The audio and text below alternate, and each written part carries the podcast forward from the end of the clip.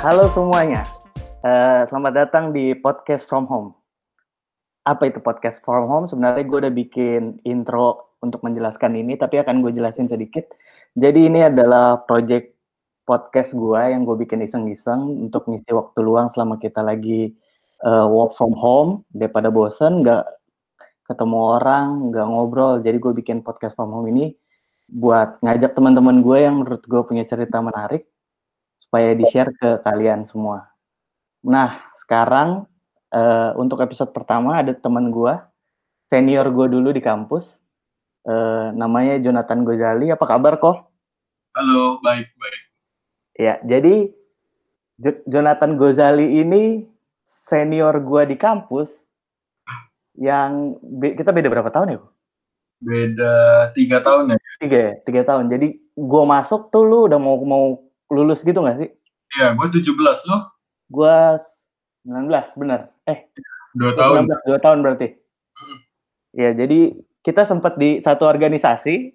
Betul. Satu organisasi bareng. Jadi gue kenal di situ juga, kita kenal di situ. Nah, yang menarik adalah ketika keluar dari or organisasi dan lulus, lalu mulai masuk ke dunia startup, bener gak? Betul. Waktu itu startup pertama yang kita tidak perlu sebutkan namanya, sebuah toko yang warna hijau itu, betul gak? Betul. Gimana prosesnya lu bisa sampai ke masuk ke situ? Kan waktu itu zaman itu susah kan masuk ke itu atau waktu itu masih belum susah sih? Uh, jadi gue kuliah kan lulusan IT gitu. Cuman benar.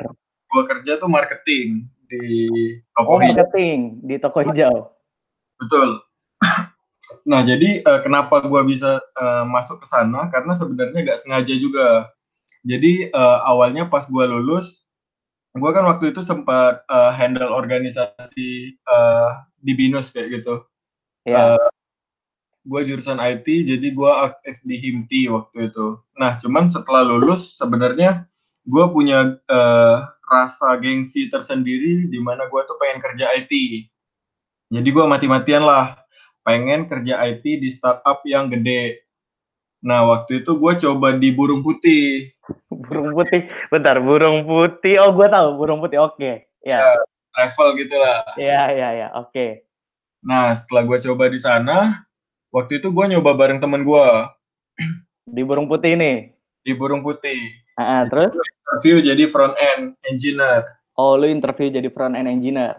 Iya, nah kebetulan gue dipanggil duluan. Mungkin ketolong karena CV gue banyak pengalaman organisasi. Hmm, terima nah, kasih organisasi. Iya, terima kasih organisasi. ya terus? Nah terus jadi dari sana uh, eh, gue interview uh, pertama tuh tes online di sana. Jadi gue tes online waktu itu uh, ada temen gue sih. Jadi uh, dia nanya soalnya kayak gitu. Terus gue kasih tahu juga soalnya kayak gimana. Terus gue ngerjainnya gimana gitu. Nah jadi singkat cerita gue dipanggil interview duluan. Terus? Pas interview gue dapet soal uh, ada uh, case kayak gitu. Gue ngerjain dan gue bisa. Nah bodohnya balik itu gue ngasih tahu soalnya ke teman gue dan lusanya teman gue tuh interview juga kayak gitu and then resultnya justru teman gue yang keterima waktu itu oh lu jadi nggak keterima tuh gue gak keterima tapi teman lu keterima teman gue keterima nah terus uh, waktu itu gue stres lah stres jadi ya jadi gue nyoba apply di tempat lain juga toko hijau sama satu lagi tuh kantong belanja kantong, kantong belanja bentar bentar Ya, kantong kantong baju itu yang warna biru itu? Yang warna biru. Oh ya, oke. Okay. Iya. Nah, di sana gue coba waktu itu. Waktu itu gue coba tuh jadi back end.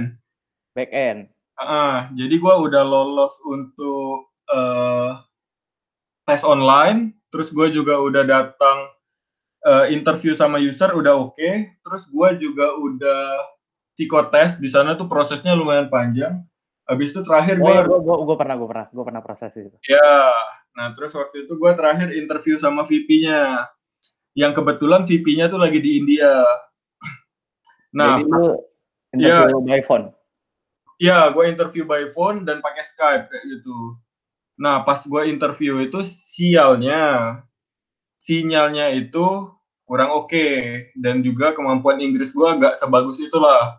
Jadi pas gue interview, gue udah kurang bagus bahasa Inggrisnya, terus gue harus ngedenger dia ngomong putus-putus. Dan waktu itu soal yang dia kasih itu logic test tentang semut.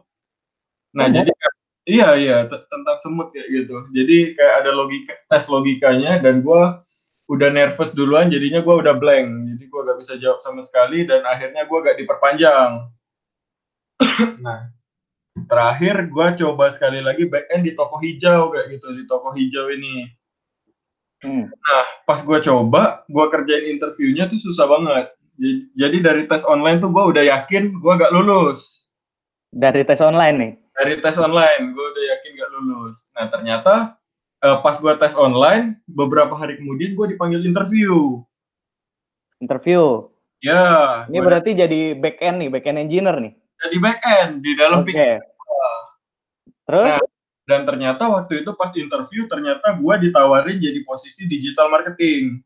Oh, jadi pas lu interview, dia nawarin lu jadi digital marketing? Betul. Nah, di sana awal mula gue gak sengaja masuk ke digital marketing. Karena untuk masuk digital marketing juga butuh background uh, eh, IT sih, jadi harus punya logic yang kuat kayak gitu. Jadi mungkin mereka ngeliat history CV gue, kayaknya bisa ditawarin posisi ini. Karena yang tes engineer gue yakin udah hancur juga hasilnya kayak gitu.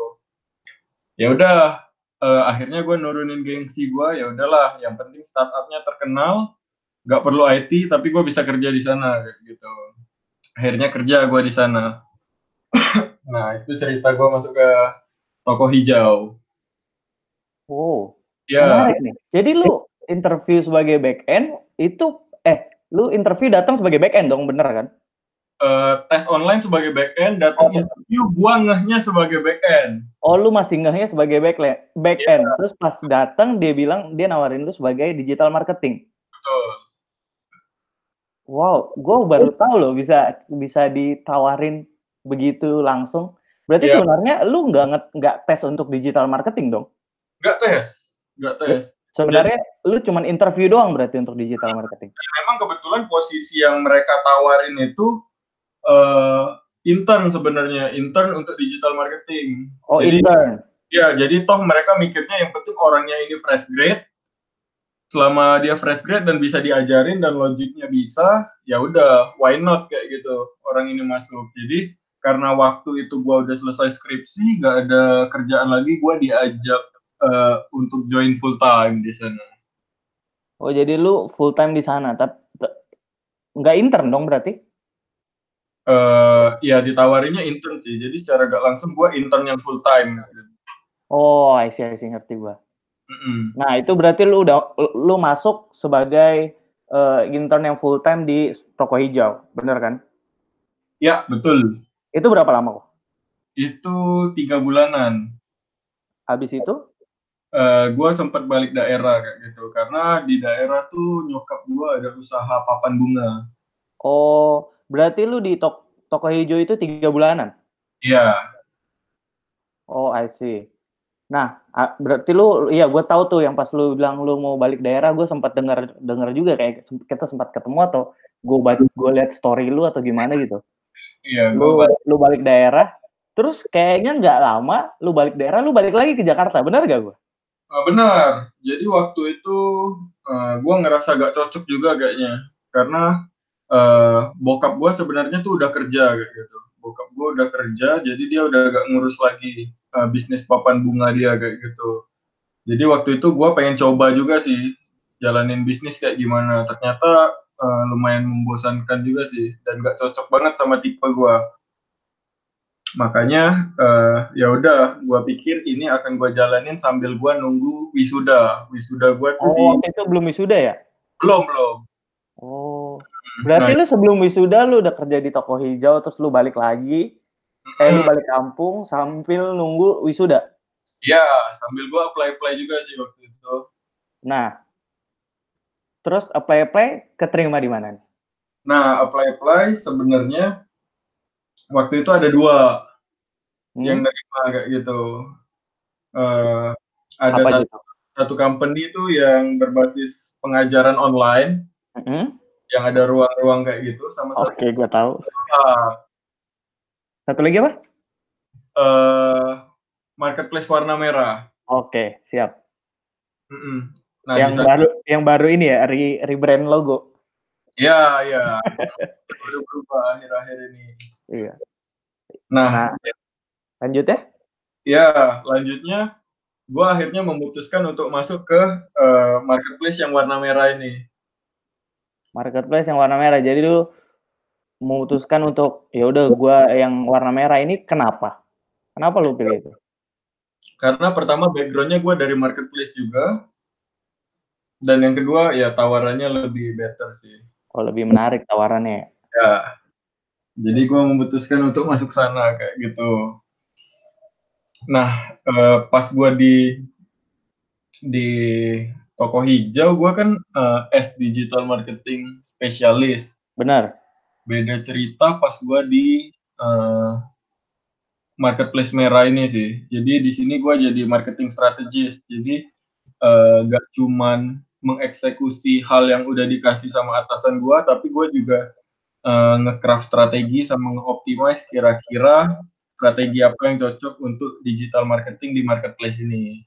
Oh, oh itu eh, beda ya? Gue pikir suatu hal yang sama loh. Beda. Jadi ada spesialis, ada strategis. Kalau spesialis itu biasanya eh, cuman mengeksekusi apa yang diminta sama si strategis ini sih.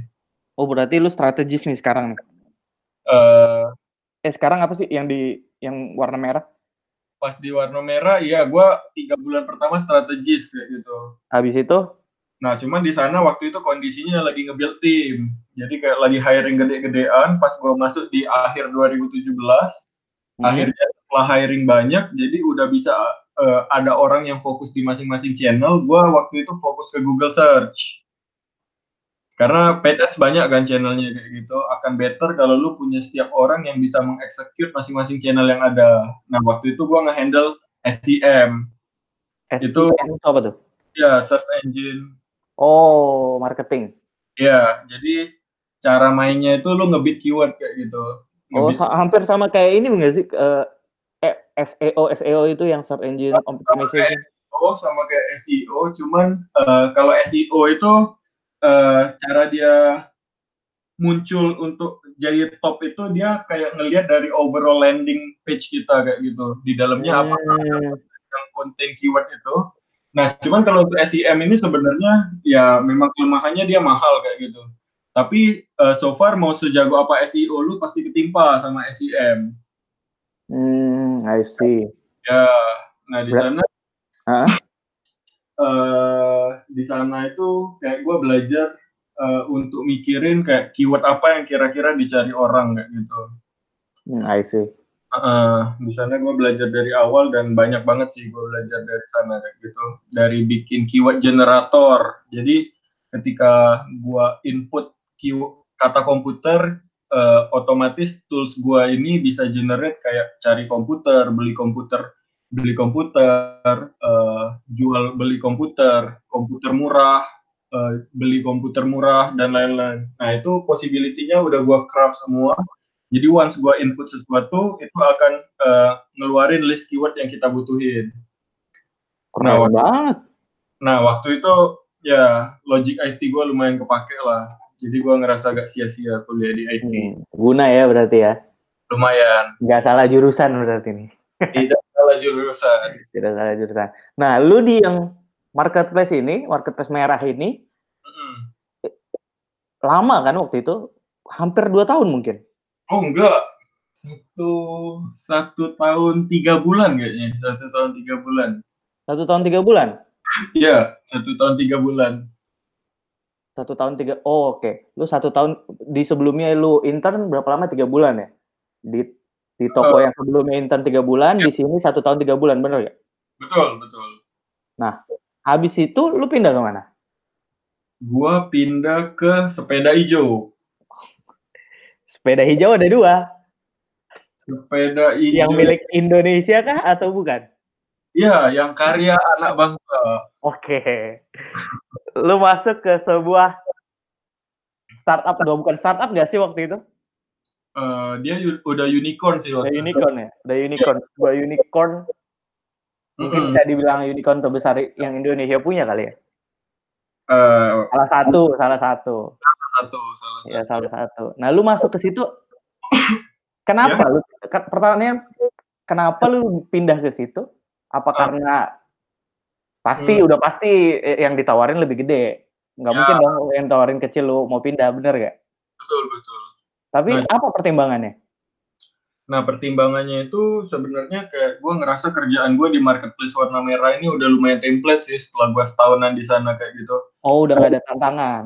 Iya, karena uh, karena uh, pas gue di sana itu gue udah nge-craft tools kayak gitu dan gue nge-handle uh, dua anak kan yang reporting performance ke gue itu anak intern gitu sih. Nah jadi kayak tiap hari itu kerjaan gue tuh udah sangat template kayak gitu Nah sebenarnya gue udah coba minta gimana kalau gue explore channel lain kayak gitu. Cuman kondisinya lagi gak memungkinkan untuk orang explore explore yang lain kayak gitu. Jadi mereka lebih prefer gue udah stay di area yang gue udah export di sana kayak gitu. Padahal di saat itu gue ngerasa cukup jenuh juga sama posisi itu. Lu udah senior kan di sana itu? Gue ya, jadi gue dari awalnya yang tiga bulan itu ngehandle banyak channel, gue uh, dipromot jadi senior digital strategist. Jadi gue fokus di satu, satu channel lagi kayak gitu. Cepet loh itu, kok dari yang misalnya ya hitungannya kan lu fresh graduate di situ kan? Ya fresh grad sih sebenarnya. Fresh grad terus nggak nyampe setahun itu, hmm, lu langsung yeah. dipromot jadi senior. Mm -hmm. Ya, yeah. lumayan lah. Cepet, cepet itu, cepet banget tuh. Lumayan. Nah, habis itu lu pindah ke si sepeda, sepeda hijau ini, sepeda hmm. hijau ini. Ya. Dengan dengan posisi yang sama atau berubah? Maksudnya kerjaan yang sama? Dengan posisi yang sama sebenarnya. Jadi waktu itu gua diajak ke uh, sepeda hijau ini oleh salah satu teman gua di uh, marketplace merah. Jadi dia pindah duluan ke sana terus dia ngajak gua ke sana. Oh, I see rekomendasi orang dalam itu luar biasa. Luar biasa, saya setuju. Setuju. Nah, ya. tapi kalau gue lihat dari LinkedIn lo, mm -hmm. ini uh, job job apa ya job descriptionnya job description ya namanya beda yang kalau di yang di merah dulu senior digital marketing spesialis mm -hmm. nah yang di sini lu cuman marketing intelligent analyst bener gak betul betul jadi itu ada, dua nama yang berbeda tapi sama. itu beda beda banget. Oh ini beda banget. Beda banget. Jadi uh, gua ngehnya pas gua interview pertama kali, gua jadinya digital marketing analis. Digital jadi, marketing analis. Jadi ya, analisa nih. Iya, jadi gua cuman menganalisa uh, hal-hal seputar digital digital tim doang kayak gitu ternyata pas hari pertama gue masuk di sana role gue itu marketing intelligent analyst which is itu kayak BI untuk tim marketing. Jadi kerjaannya tuh totally different. Kayak beda banget. Nah oh iya ya, jadi kayak itu sebenarnya ada miss juga sih di HR timnya kayak gitu. Jadi ada, miss. Iya jadi uh, memang kayak untuk digital analis itu masuk ke scope gua juga tapi sebenarnya scope gua lebih gede kayak gitu. Nah itu yang gak gua tangkep gitu hmm.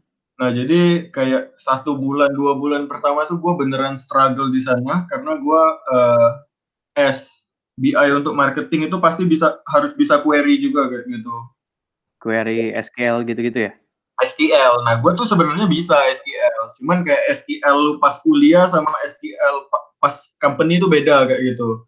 Pas kuliah ya lu maksimal 4-5 table lah kayak gitu. Nah, tapi pas lu di company ini tablenya tuh banyak banget dan lu harus temuin kayak table yang bener kayak gitu. Nah, di di sana gue di titik posisi gue sendirian kayak gitu. Jadi gue gak ada rekanan lain yang bisa ngebantu gue. Kenapa nggak ada tim lain atau nggak ada senior atau gimana? Uh, sebenarnya ada. Jadi gua tuh uh, gua posisi gua tuh under marketing kayak gitu, which is gak ada orang yang ngerti query kayak gitu. Oh, gua ngerti. Tapi di BI juga kayak gitu. Jadi kalau gua masuk BI mungkin akan lebih clear kayak gitu karena ada orang yang bisa bantu jelasin gua kerjaan gua tuh seperti apa. Cuman karena gua diletakin di tim marketing, akhirnya uh, gak ada yang bisa bantu gue karena mem memang mereka gak ada yang baseline-nya tuh ngerti SQL kayak gitu. Nah, hmm. itu susah. So nah, far, terus lu berapa lama tuh struggle?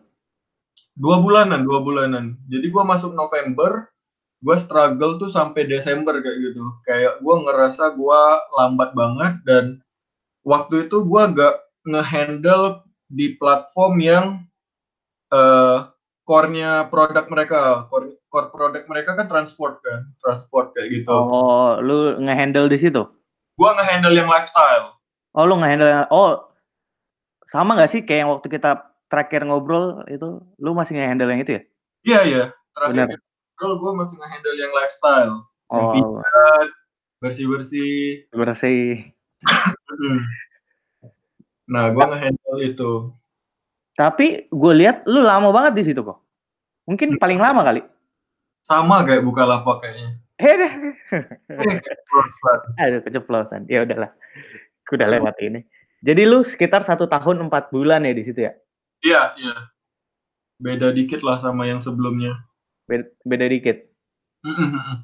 Nah, kita eh, kita sempat ketemu di ulang tahun perusahaan tersebut. Iya. Terus pas lagi ngobrol itu lu bilang ke gue kalau lu mau resign, bener gak di situ kan? Iya. Lu, lu bilang ke gue waktu itu kalau nggak salah Desember ya, lu bilang ke gue Januari gue mau resign nih gitu kan? Betul betul. Terus uh, masih belum tahu itu mau ngapain gitu-gitu kan? Gue nanya lu mau ngapain? Mau rencana mau bikin startup waktu itu kata lu, bener ya, Betul.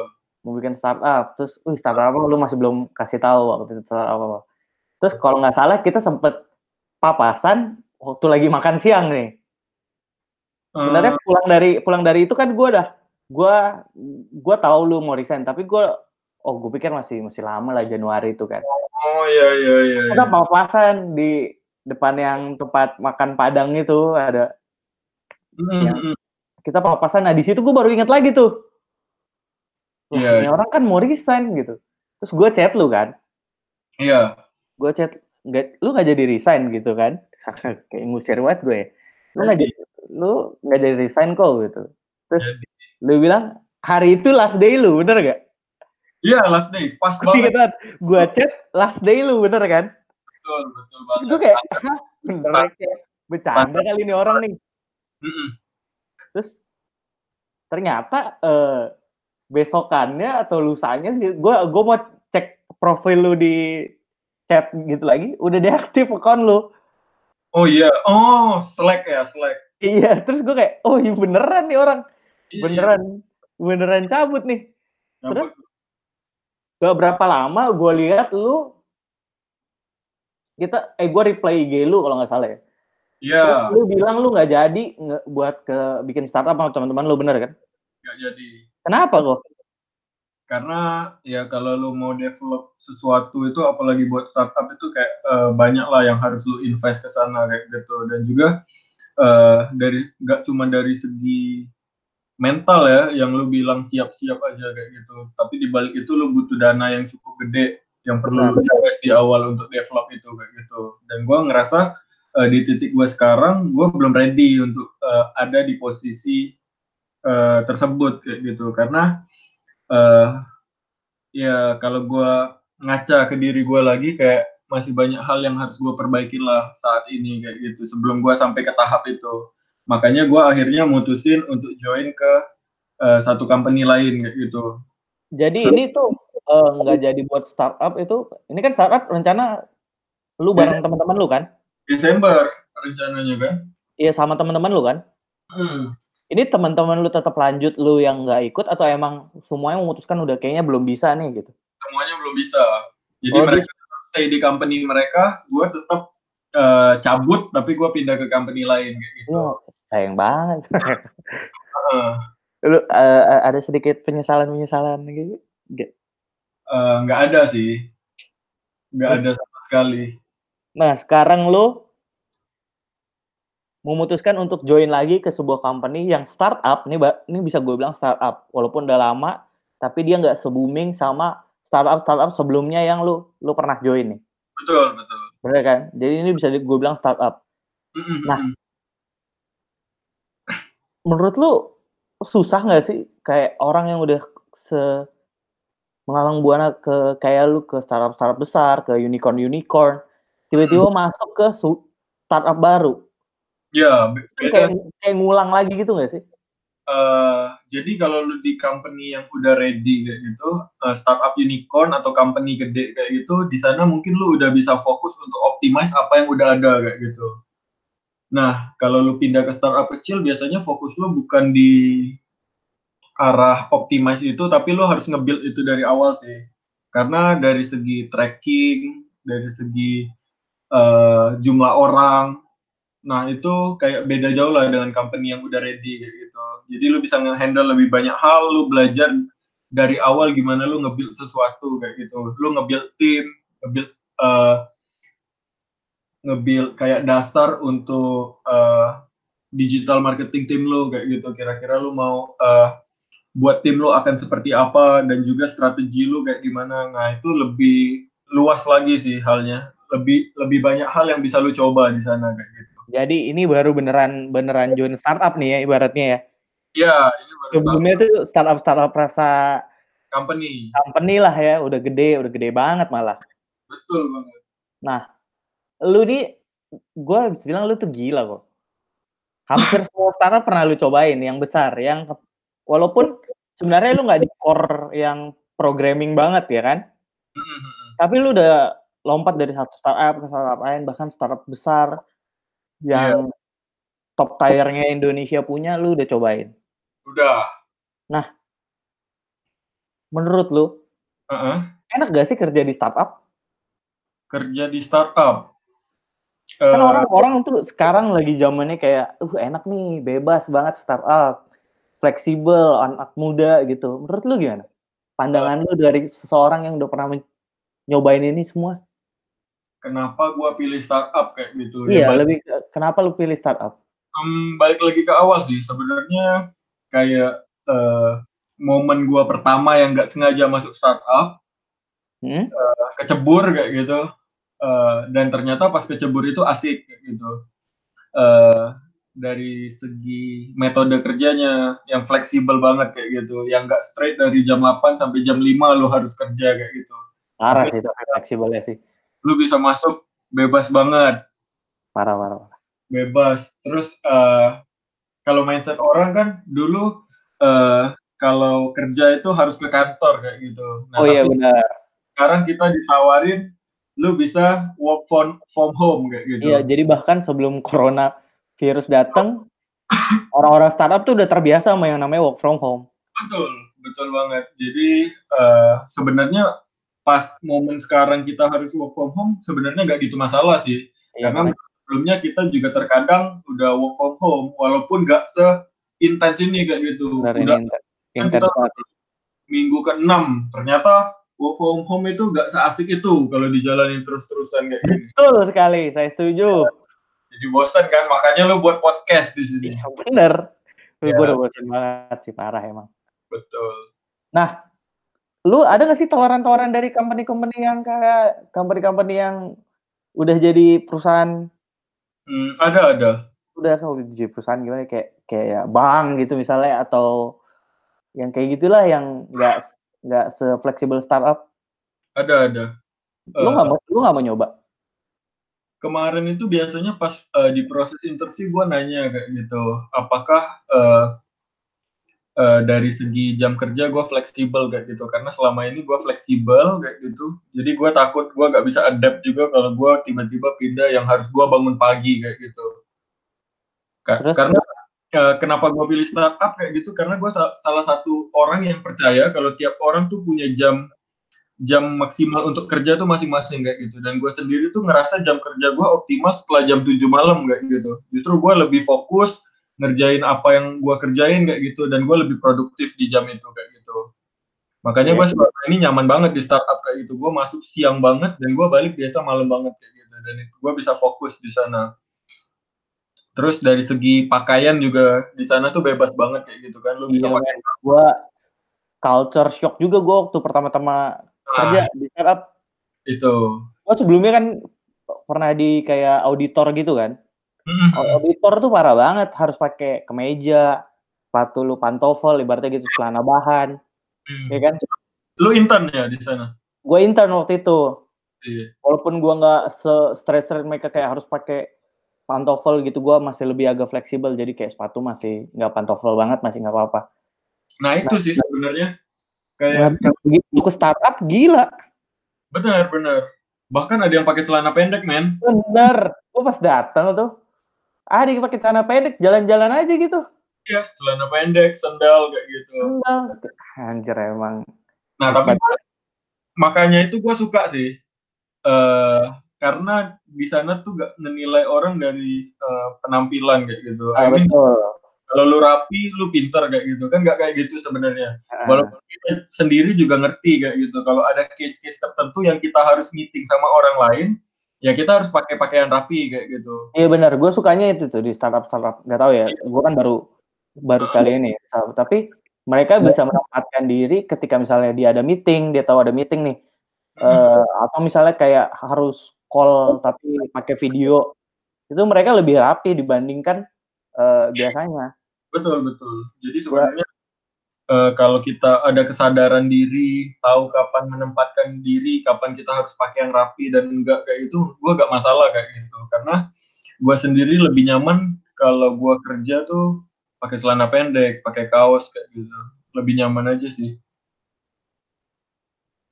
Nah, gua mau nanya nih. Lu kan udah join banyak banget company ini, dengan segala macam requirement yang yang bisa dibilang nggak mudah. Banyak orang pengen banget join nih. Mhm mhm. Lu bisa Iya. join ke sini tuh karena skill lu, atau dari pengalaman lu pas ngampus kah? Karena gua tahu pengalaman lu di kampus tuh gila luar biasa ya. Hmm. Kalau gua Faktor apa yang paling besar? faktor yang paling besar dalam kesuksesan orang itu hoki. Gua setuju. Gua setuju, se setuju setujunya. Hoki. Hoki itu yang paling penting menurut gua. Karena Jadi jadi hoki lu gede nih ya? hoki gua gede banget menurut gua. Itu ya, itu berkat luar biasa lah maksud gua. Karena, eee, maksudnya kalau lu pinter banget, pengalaman lu oke banget kayak gitu, tapi lu apply di momen company itu nggak butuh orang, ya lu nggak bakal keterima mau gimana pun lu pinter kayak gitu. Setuju banget gua, setuju banget sama yang ini. Ya gua Tapi gua gua perlu kasih tahu juga nih, mumpung kayak gini. Kalau lu lihat temen lu atau siapa yang misalnya nggak keterima di sebuah company, itu baik banget men kemungkinannya, bukan karena dia nggak pinter. Bener. Baik banget kemungkinannya, parah Ben itu. Kehidupan lu tuh di tangan orang lain, bukan di tangan lu, bisa dibilang kayak gitu. Agree. Lu bisa aja pinter banget lu ngerjain semua soal yang bagus, tiba-tiba company Hmm. lagi nggak mau lagi nggak bisa hire, lu mau bilang apa? Iya iya. Kayak Covid ini kan semua company freeze kan, freeze hiring. Lu Lu mau sepinter apa, nggak bakal diterima. Mhm. Tapi kalau lu hoki, Tapi kalau lu hoki ada company yang awalnya nggak butuh, lu apply, tiba-tiba ada orang yang keluar, terus lu bisa ngisi posisi itu. mhm, Itu pure emang hoki. itu paling penting dah. Iya, nggak ada yang bisa ngalahin itu. Terus ya, Ko, gua kan melihat lu nih, dari dulu gua lihat nih keren banget nih. Ah, perasaan lu aja. Karena pas gua masuk lu lagi bersinar-bersinarnya, Ko. Gua masuk kul gua masuk kuliah lu lagi bersinar-bersinarnya. Mhm. Lagi jabatan lu tinggi banget lah waktu itu di sebuah himpunan itu. Terus abis itu lu keluar masuk startup, keluar masuk startup.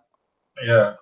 An startup ini kan dikenal dengan selain banyak orang pintar yang ada, kan banyak anak mudanya. Mhm mhm.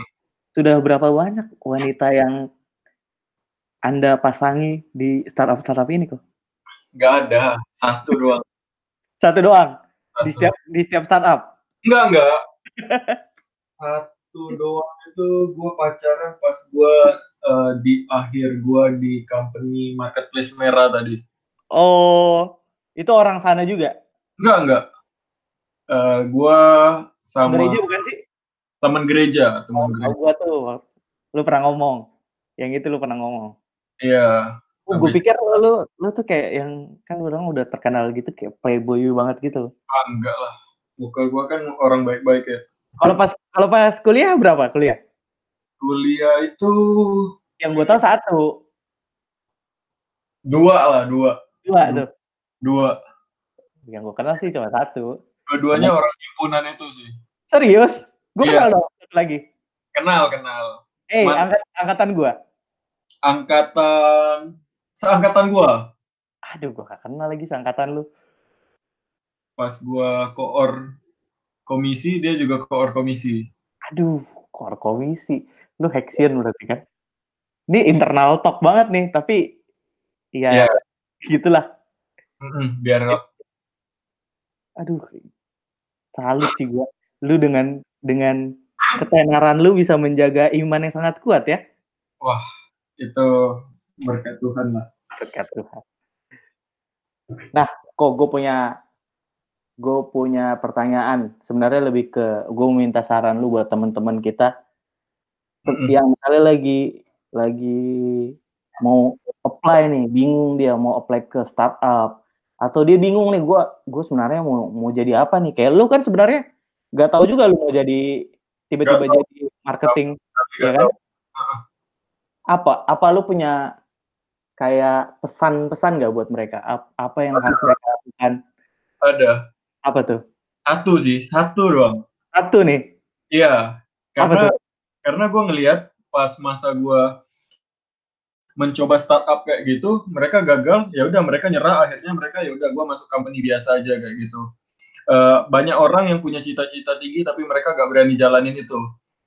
I mean, eh, gue orang ngelihat oh hebat ya bisa keterima eh, masuk ke toko hijau, terus marketplace merah, terus sepeda hijau kayak gitu. Nah mereka gak tahu di balik itu gue ditolak berapa kali dan itu eh, gak gampang kayak gitu. Maksudnya eh, gue udah coba interview sampai tahap terakhir gagal kayak gitu. Gue pindah ke ta- tahap lain gagal kayak gitu. Tapi gue memutuskan eh, gak berhenti di sana kayak gitu. Jadi gue tetap nyari company yang gue pengen masuk kayak gitu. Dan gue harus mati-matian eh, melakukan hal itu kayak gitu. Jadi gue ngurutin list company yang gue pengen masuk dari yang paling pengen sampai yang paling gak pengen kayak gitu. Serius lu urutin gitu? Iya, gue rutin, serius serius. Jadi uh, gue apply, gue gak keterima di sini, gue apply di sini kayak gitu. Nah, banyak orang tuh ketika dia udah ditolak di satu di atas, oh kayaknya gue gak cocok uh, masuk ke sini kayak gitu, requirement-nya susah kayak gitu. Padahal Hmm. gue bilang, ya itu balik lagi uh, ada faktor hoki dan juga faktor hoki ini gak bisa jalan ketika lu gak berani coba kayak gitu. Kalau lu gak coba apply, gak coba interview, lu gak bakal tahu misalnya lu diterima atau enggak kayak gitu. Setuju, setuju. Heeh, makanya gue bilang eh, lu gak usah takut eh, mau ditolak mau enggak Ka- karena orang tuh takut kalau ditolak eh, pas Iya. interview eh, kerja kayak gitu. Padahal menurut gua eh, pas interview kerja itu bukan momen di mana eh, cuman perusahaan yang nilai lu layak gak ada di perusahaan itu, tapi lu juga berhak menentukan apakah perusahaan itu layak untuk mendapatkan orang yang punya kualifikasi kayak lu kayak gitu.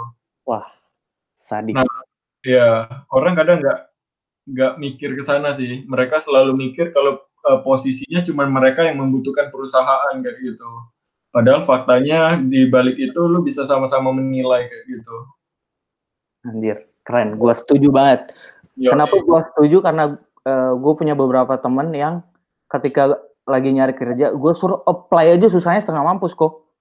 betul. Karena mereka merasa kayak "Ah, anjir susah lah ini, Mm-mm. gila susah lah ini. Ah lu mah eh, entar, pa- paling benci nih gue ntar dia bilang kayak ah lu mah enak gini-gini gitu. Gue kan susah gini-gini. Padahal kalau dia coba aja, kemungkinannya lebih besar daripada dia nggak mencoba sama sekali kan. Agree. Kalau Agree. dia nggak coba kan udah 100% dia udah pasti tidak keterima. Betul, betul. Jadi nggak perlu takut sih menurut gua buat nyoba kayak gitu. Gua bahkan ketolak beberapa kali sih. Eh, jadi pas gua daftar engineer tuh gua banyak banget ngikutin tes online lain kayak gitu. Di marketplace merah gue daftar juga jadi back end engineer kayak gitu. Ketolak tuh. Ketolak, ketolak. Kayak lu gak menuin require requirement kita untuk posisi ini kayak gitu. Ya udah kayak gitu. Setidaknya gua mencoba, gua tahu kalau eh, kualifikasi gua gak di sana. kayak gitu. Anjir. Keren juga. Jadi banyak juga yang, yang nolak lu ya? Banyak banyak. karena orang cuma ngelihat orang yang nerima gua kan kayak gitu Iya benar benar benar. nolak juga kayak gitu Tapi by the way ya, gue baru ingat nih. Lu waktu itu kan pernah apply di Burung Putih. pernah Terus lu ditolak karena lu kan? itu pas gua jadi engineer Iya jadi jadi engineer. heeh, Nah, Bukannya lu pernah di offer juga ya sama Burung Putih itu? pernah pernah jadi pas gua eh pas gua da- mau pindah dari marketplace merah ini gua keterima di sepeda hijau sama burung putih Sadis. Heeh. nah cuman Hah? eh, kalau gua dengar-dengar dari orang kayak burung putih itu lumayan berat lah kerjaannya kayak gitu Tapi offernya tinggi banget kan? Set, sependengaran gua nih. memang tinggi sih cuman eh, kayaknya pas gua ada di titik gua hari ini gua ngerasa mau gaji lu segede apa pun tapi lu gak bisa nikmatin kerjaan lu kayak itu beneran menderita sih maksudnya kayak jangan sampai lah kayak gitu maksudnya Iya. eh, kenaikan gaji eh, harus berbanding lurus karena tiga hal kan yang bikin orang stay di company kayak gitu yang Apa pertama tuh?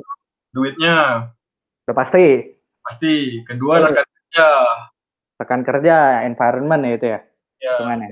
Terus, ketiga tuh yang paling penting tuh menurut gua pekerjaannya kayak gitu oh, karena apa, yang, apa yang dia kerjain?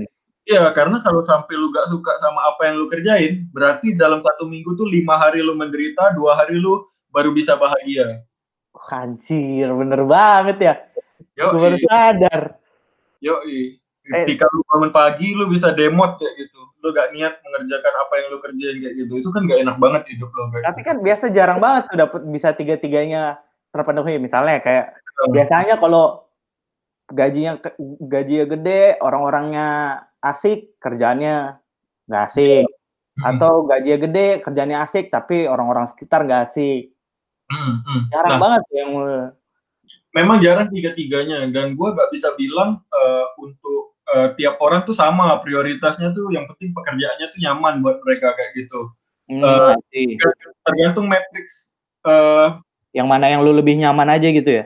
tergantung dari hidup lu sih maksudnya. Contohnya ya, sekalipun pekerjaan lu gak nyaman, tapi eh, misalnya eh, hal yang membuat lu happy itu ketika lu bisa dapat gaji gede kayak gitu. Jadi eh, once pekerjaan lu gak menyenangkan, tapi gajinya cukup oke, lu akan bahagia kayak gitu. Iya, Karena gua itu demi apa yang lu dapat. gue pernah ngomong itu tuh ke teman gue. Jadi gue bilang ke dia, udah lu pindah aja ke misalnya company ini. Misalnya kan dia di company lamanya dia bilang dia gajinya kurang. Eh, orang-orangnya enak, tapi pekerjaan dan gajinya ku- kurang nih. Mm-mm. Nah terus gue bilang lu mending lu mending mana eh, gaji kurang kerjaan kurang teman-teman enak apa lu gaji enak tapi sisanya nggak enak tapi kan yang penting lu pulang gaji bisa lu pakai buat apa terus dia pindah dong besok Pindah dia.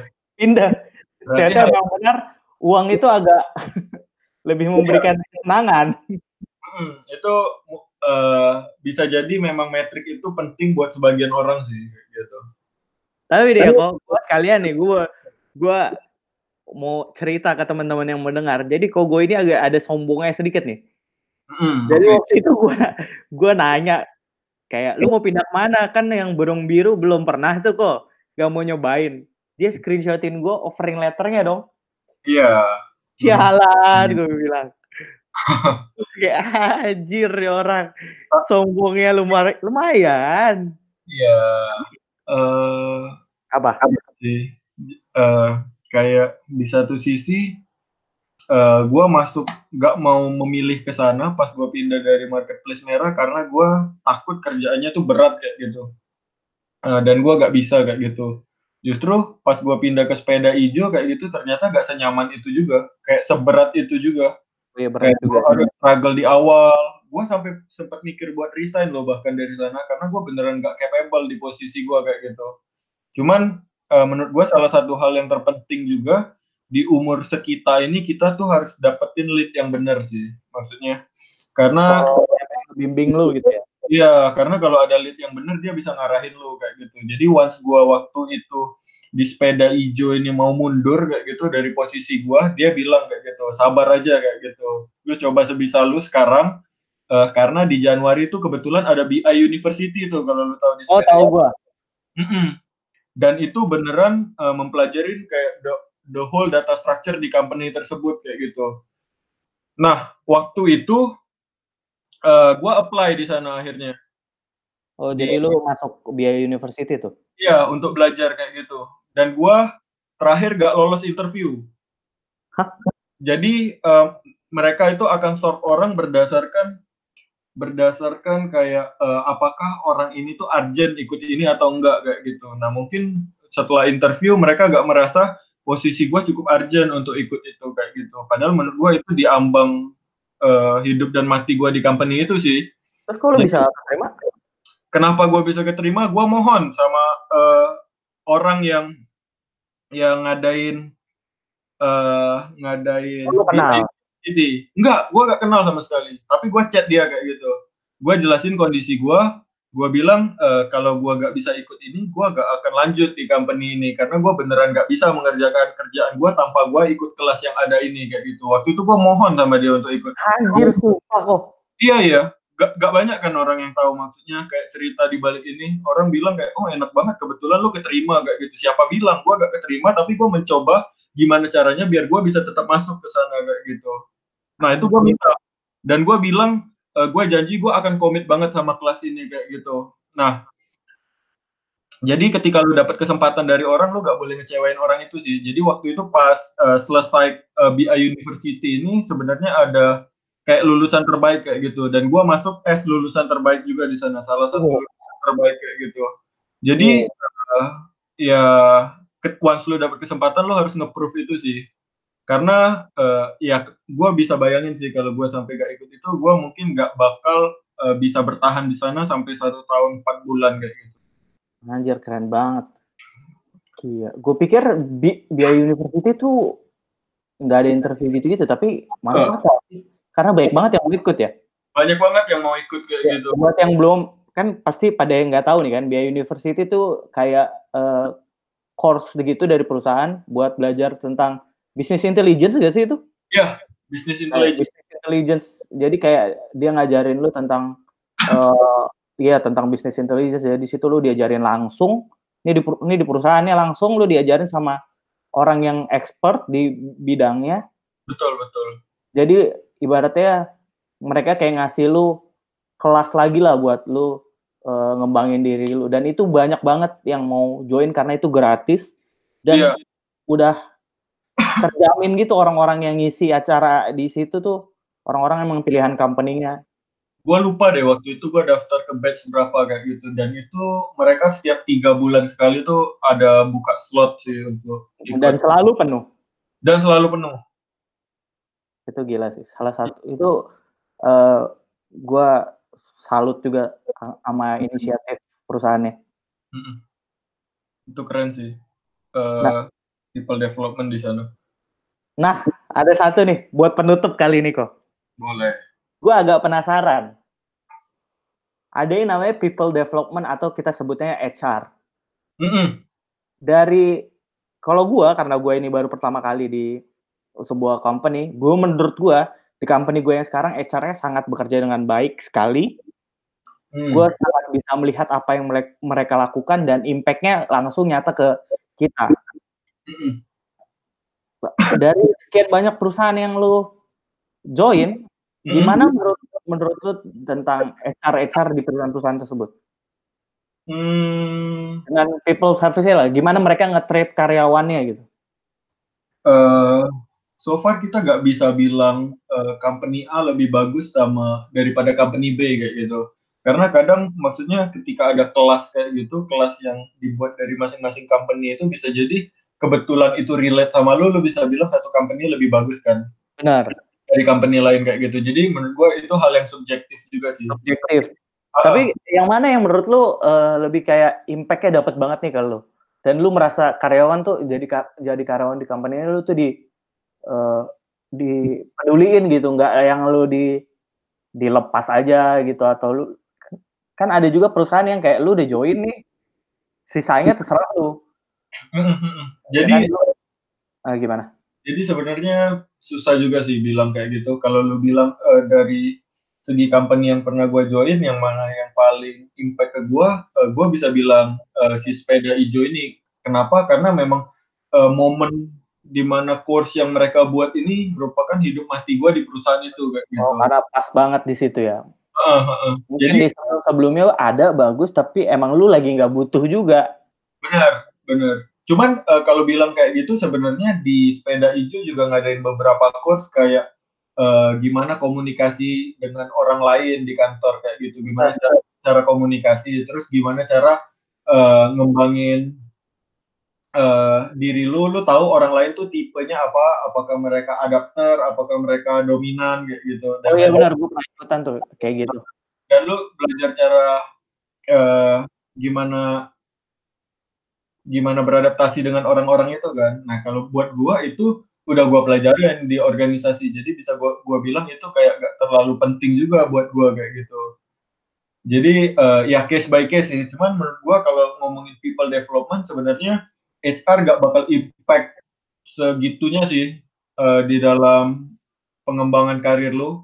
Hmm. Menurut itu kalau lu mau people development uh, temuin leader yang paling tepat buat lo kayak gitu. Yang bisa ngarahin lo yang bisa ngajarin lo. Dan di sana gue bisa pastiin lo berkembang banget. I see. Mm -mm. oke okay, mungkin itu aja mungkin untuk yang session hari ini. Boleh. Uh, terima kasih Kogo sudah mau menjadi tamu pertama saya. Semoga ada kita akan ngobrol di selanjutnya kalau ada cerita-cerita yang menarik lagi. Mungkin bisa ngobrol lagi di sini. Boleh. Uh, ya sekian aja dari gue. Lu ada mau yang disampaikan untuk teman-teman semua yang lagi berjuang di uh, pandemi corona ini? Ya kalau period ini gue ngerasa kayak uh, semua orang mungkin lagi ngerasain kesulitan juga lah kayak gitu kan. Uh -huh. uh, ya so far kita berharap berdoa aja semoga masalah ini cepat kelar dan bisa balik normal lagi kayak gitu biar kita juga uh, bisa uh, kayak dulu lagi lah kayak gitu. Karena uh, udah enam minggu enam minggu bahkan hampir dua bulan ya kalau dari period kita mulai covid ini kayak gitu. Uh, itu banyak orang yang udah ngerasa gak nyaman juga kayak gitu. Paling uh, kita harus sama-sama kerja sama juga kayak gitu sih buat mutus rantai uh, COVID ini paling uh, kalau bisa stay uh, better stay di rumah sih biar ini cepat kelar kita bisa kayak dulu lagi. Betul sekali. So guys, stay at home, stay healthy. Ya. Kalau bisa jangan keluar rumah, please jangan keluar rumah dulu. Yes. So, itu aja dari kita. Sampai berjumpa di session-session selanjutnya. Thanks all. Bye.